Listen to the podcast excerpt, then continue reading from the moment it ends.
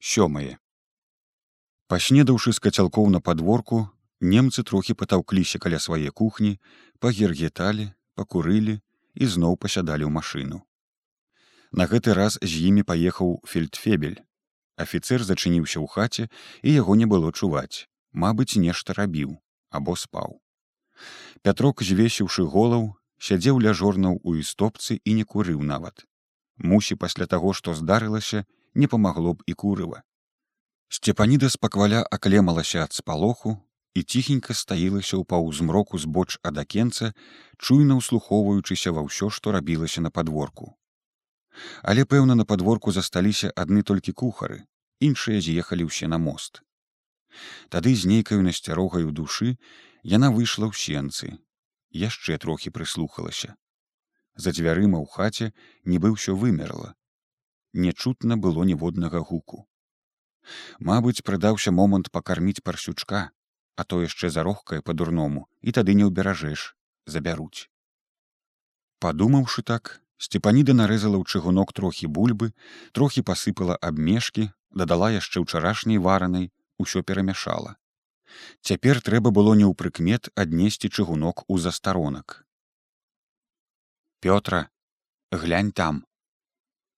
Шэптам сказала яна мужу, але той не скрануўся нават чуеш ад не ўберажэш усё роўна як гэта усё роўна яны ціха перагаворваліся так у істопцы але нядаўні стрэл мусіць так скалануў нутро петрака што той быў нібы сам не свой. Нібы ў гарадцы ці якім здранцвенні. Іншы раз яна б насварылася на яго але цяпер не было як сварыцца ды і разумела. Хапіла страху старому. І сцепаніда хуценька глянула сенцаў на падворку было пуста ўжо толькі ля кухні угнуўшыся цераз край замываў кацёл карла. Яго злы кухар стаяў ля скрынак спіной да хаты і нешта калупаўся ў іх. Відаць можна было выйсці. Ці мала што магло быць у яе чыгунку якая ім да гэтага справа. Яна так і зрабіла ціхенька шмыганула за істопку і падрывотніў зарослы дзядоўнікам гародчык. Парсючок малайчына нават не азваўся на яе крокі. Толькі заварушыўся ў саломе, як яна пачала расчыняць нізкія дзверцы. Каб не затрымлівацца дужа, яна паставіла цераз парог чыгунок і сахой падперла дзверцы за старонка.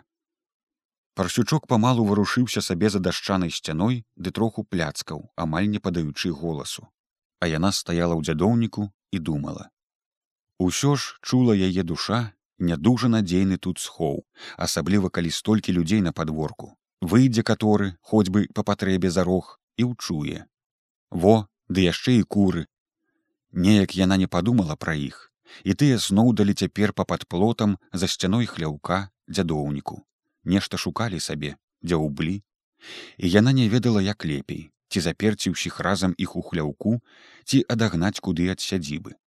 Як бы тыя не палавілі іх мусіць жа не сляпыя убачыць але курэй пакуль што яна ратаваць не стала болей баялася за бабоўку якую гэты раз кінула ў кустоўі разам з янкавым статкам.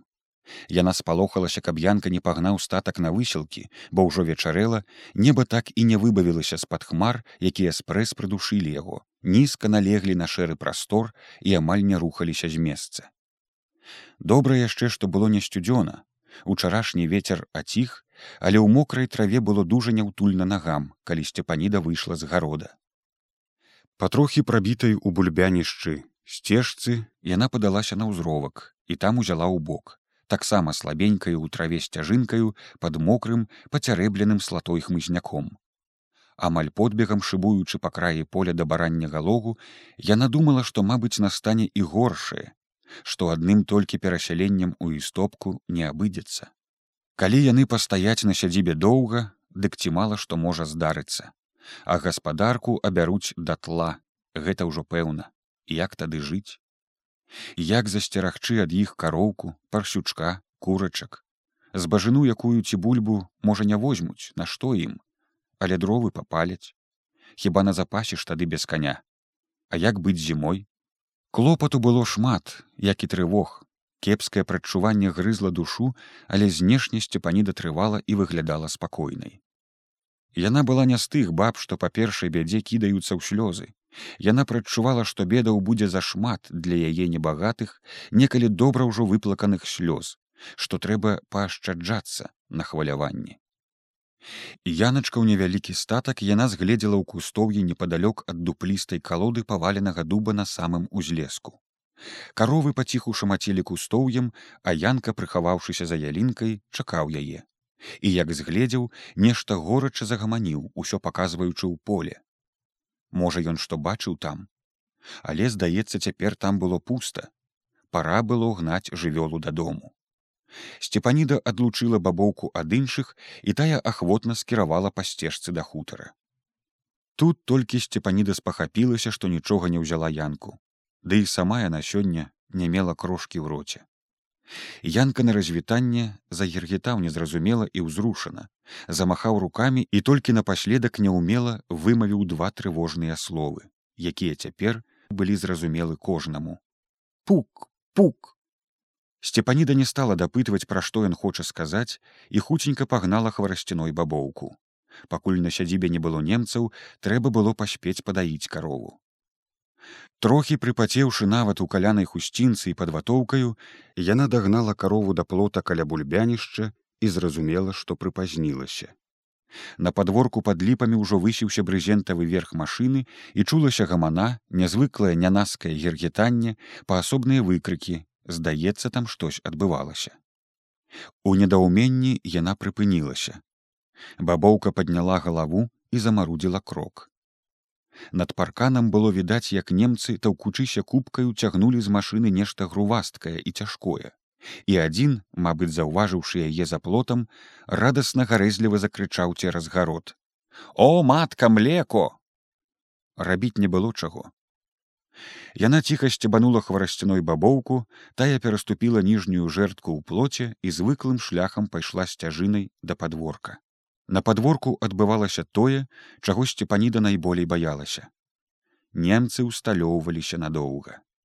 Вывалакшы з машыны грувасткую шэрую брызенціну, яны распіналі яе на коллі ля тыну на нетаптанай мураве падворка. Таўкліся там усёй грамадою, расцягвалі вяроўкі, забівалі ў зямлю кароткія калкі.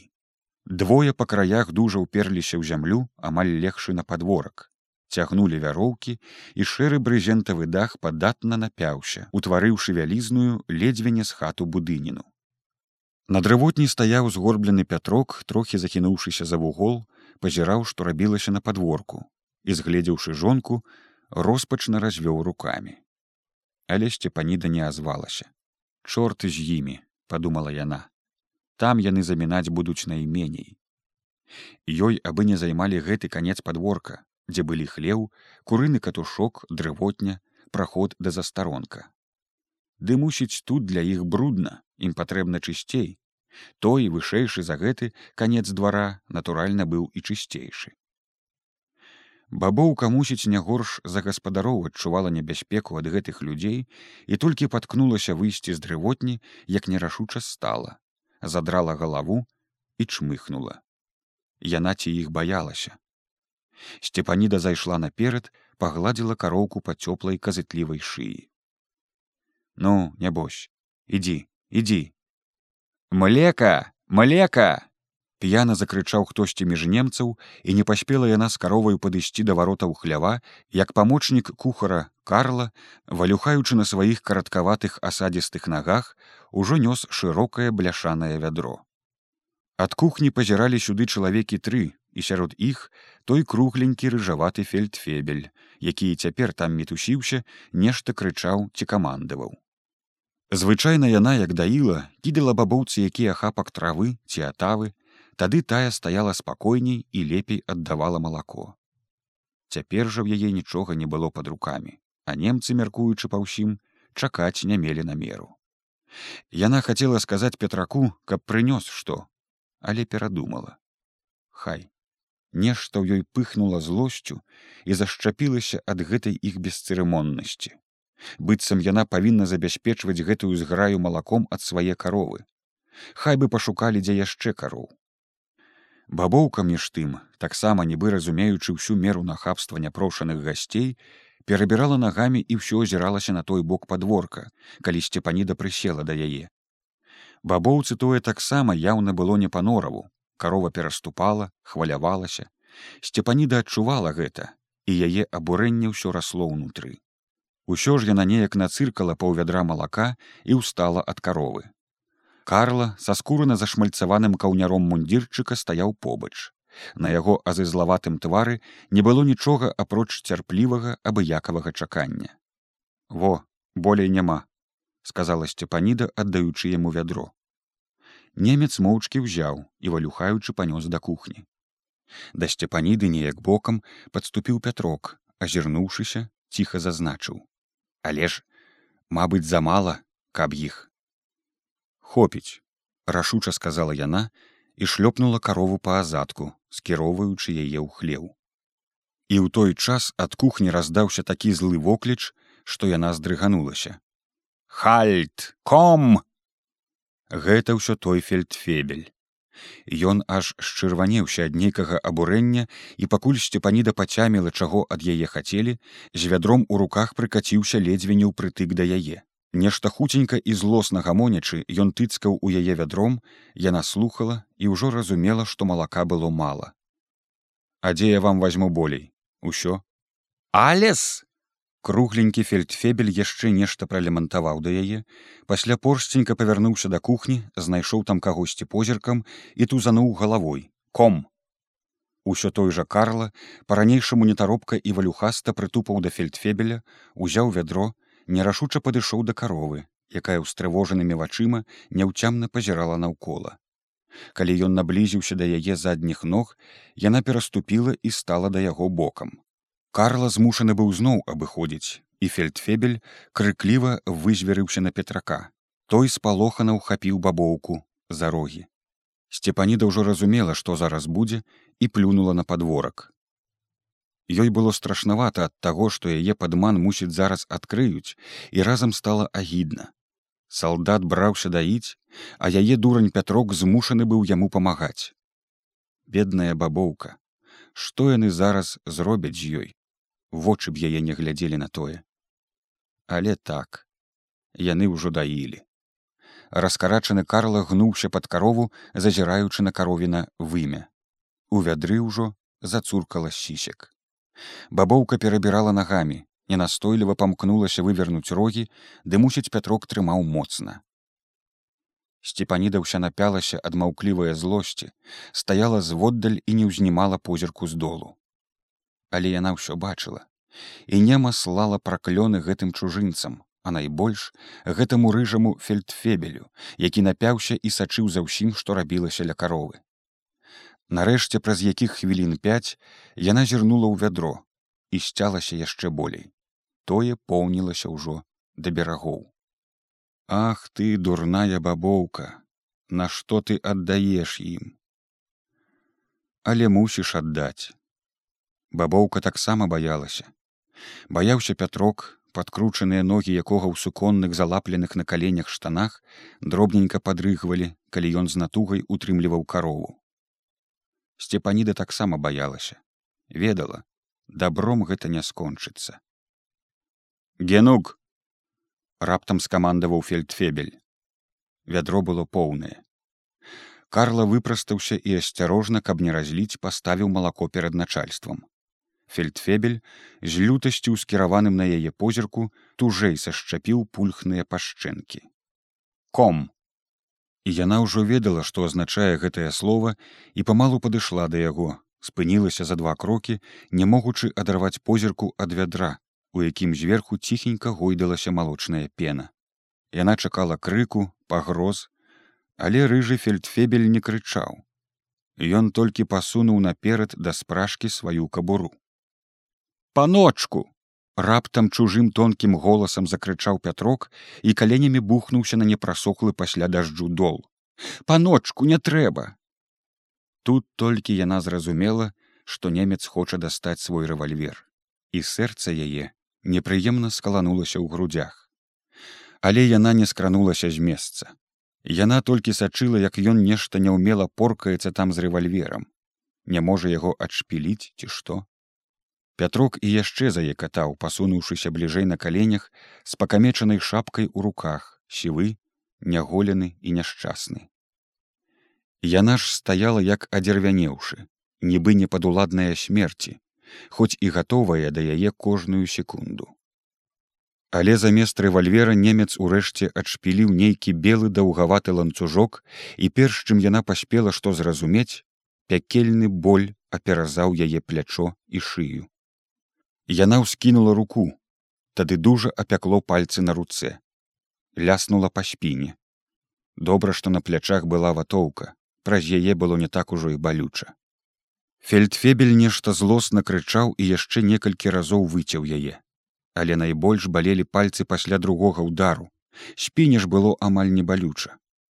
Тым болей яна знайшла як захінацца ад яго ўдараў не пальцамі а болей локцем і ён лупнуўшы з усяе сілы яшчэ разы два мусіць зразумеў што надта яе не проймеш тады ён апусціў ланцуг і крычаў ад натужнай злосці чырванеючы белабровым тварам але яна бы глухая не слухала яго крыку і не хацела разумець яго. Краёчкам увагі яна адчула, як там ля палаткі і ля кухні нешта кпліва ржалі два ці тры немцы. Мусіць тое, што вытваралі з ёй, здавалася ім надта смешным. Мусіць, для іх гэта было вясёлай забавай. Што ж, гагачыце праклятыя. Забаўляйцеся, падумала яна. Біце няшчасную жанчыну, якую няма каму абараніць але ведаеце у гэтай жанчыны ўсё ж ёсць сын салдат ён вам папомніць хай не цяпер прыйдзе час паквітаецца за матчыны боль і знявагу і ты ўстань пётра. Нягожа поўзаць перад імі на каленях хай. Пабілі яе як якую прыблуду на сваім жа двары пад смех і гогат але яна сцерпіць цярпі і ты. Пякучым болем гарэлі шые пад вухам і пальцы на левой руцэ. Калі яна марудным крокам прыдушаная невыказнаю крыўдай пайшла на дрывотню каб засланіцца ад іх нахабных вачэй а можа і заплакаць але каб яны не бачылі. Дужа хацелася заплакаць калі б былі слёзы. Шкада. У яе даўно не было слёз.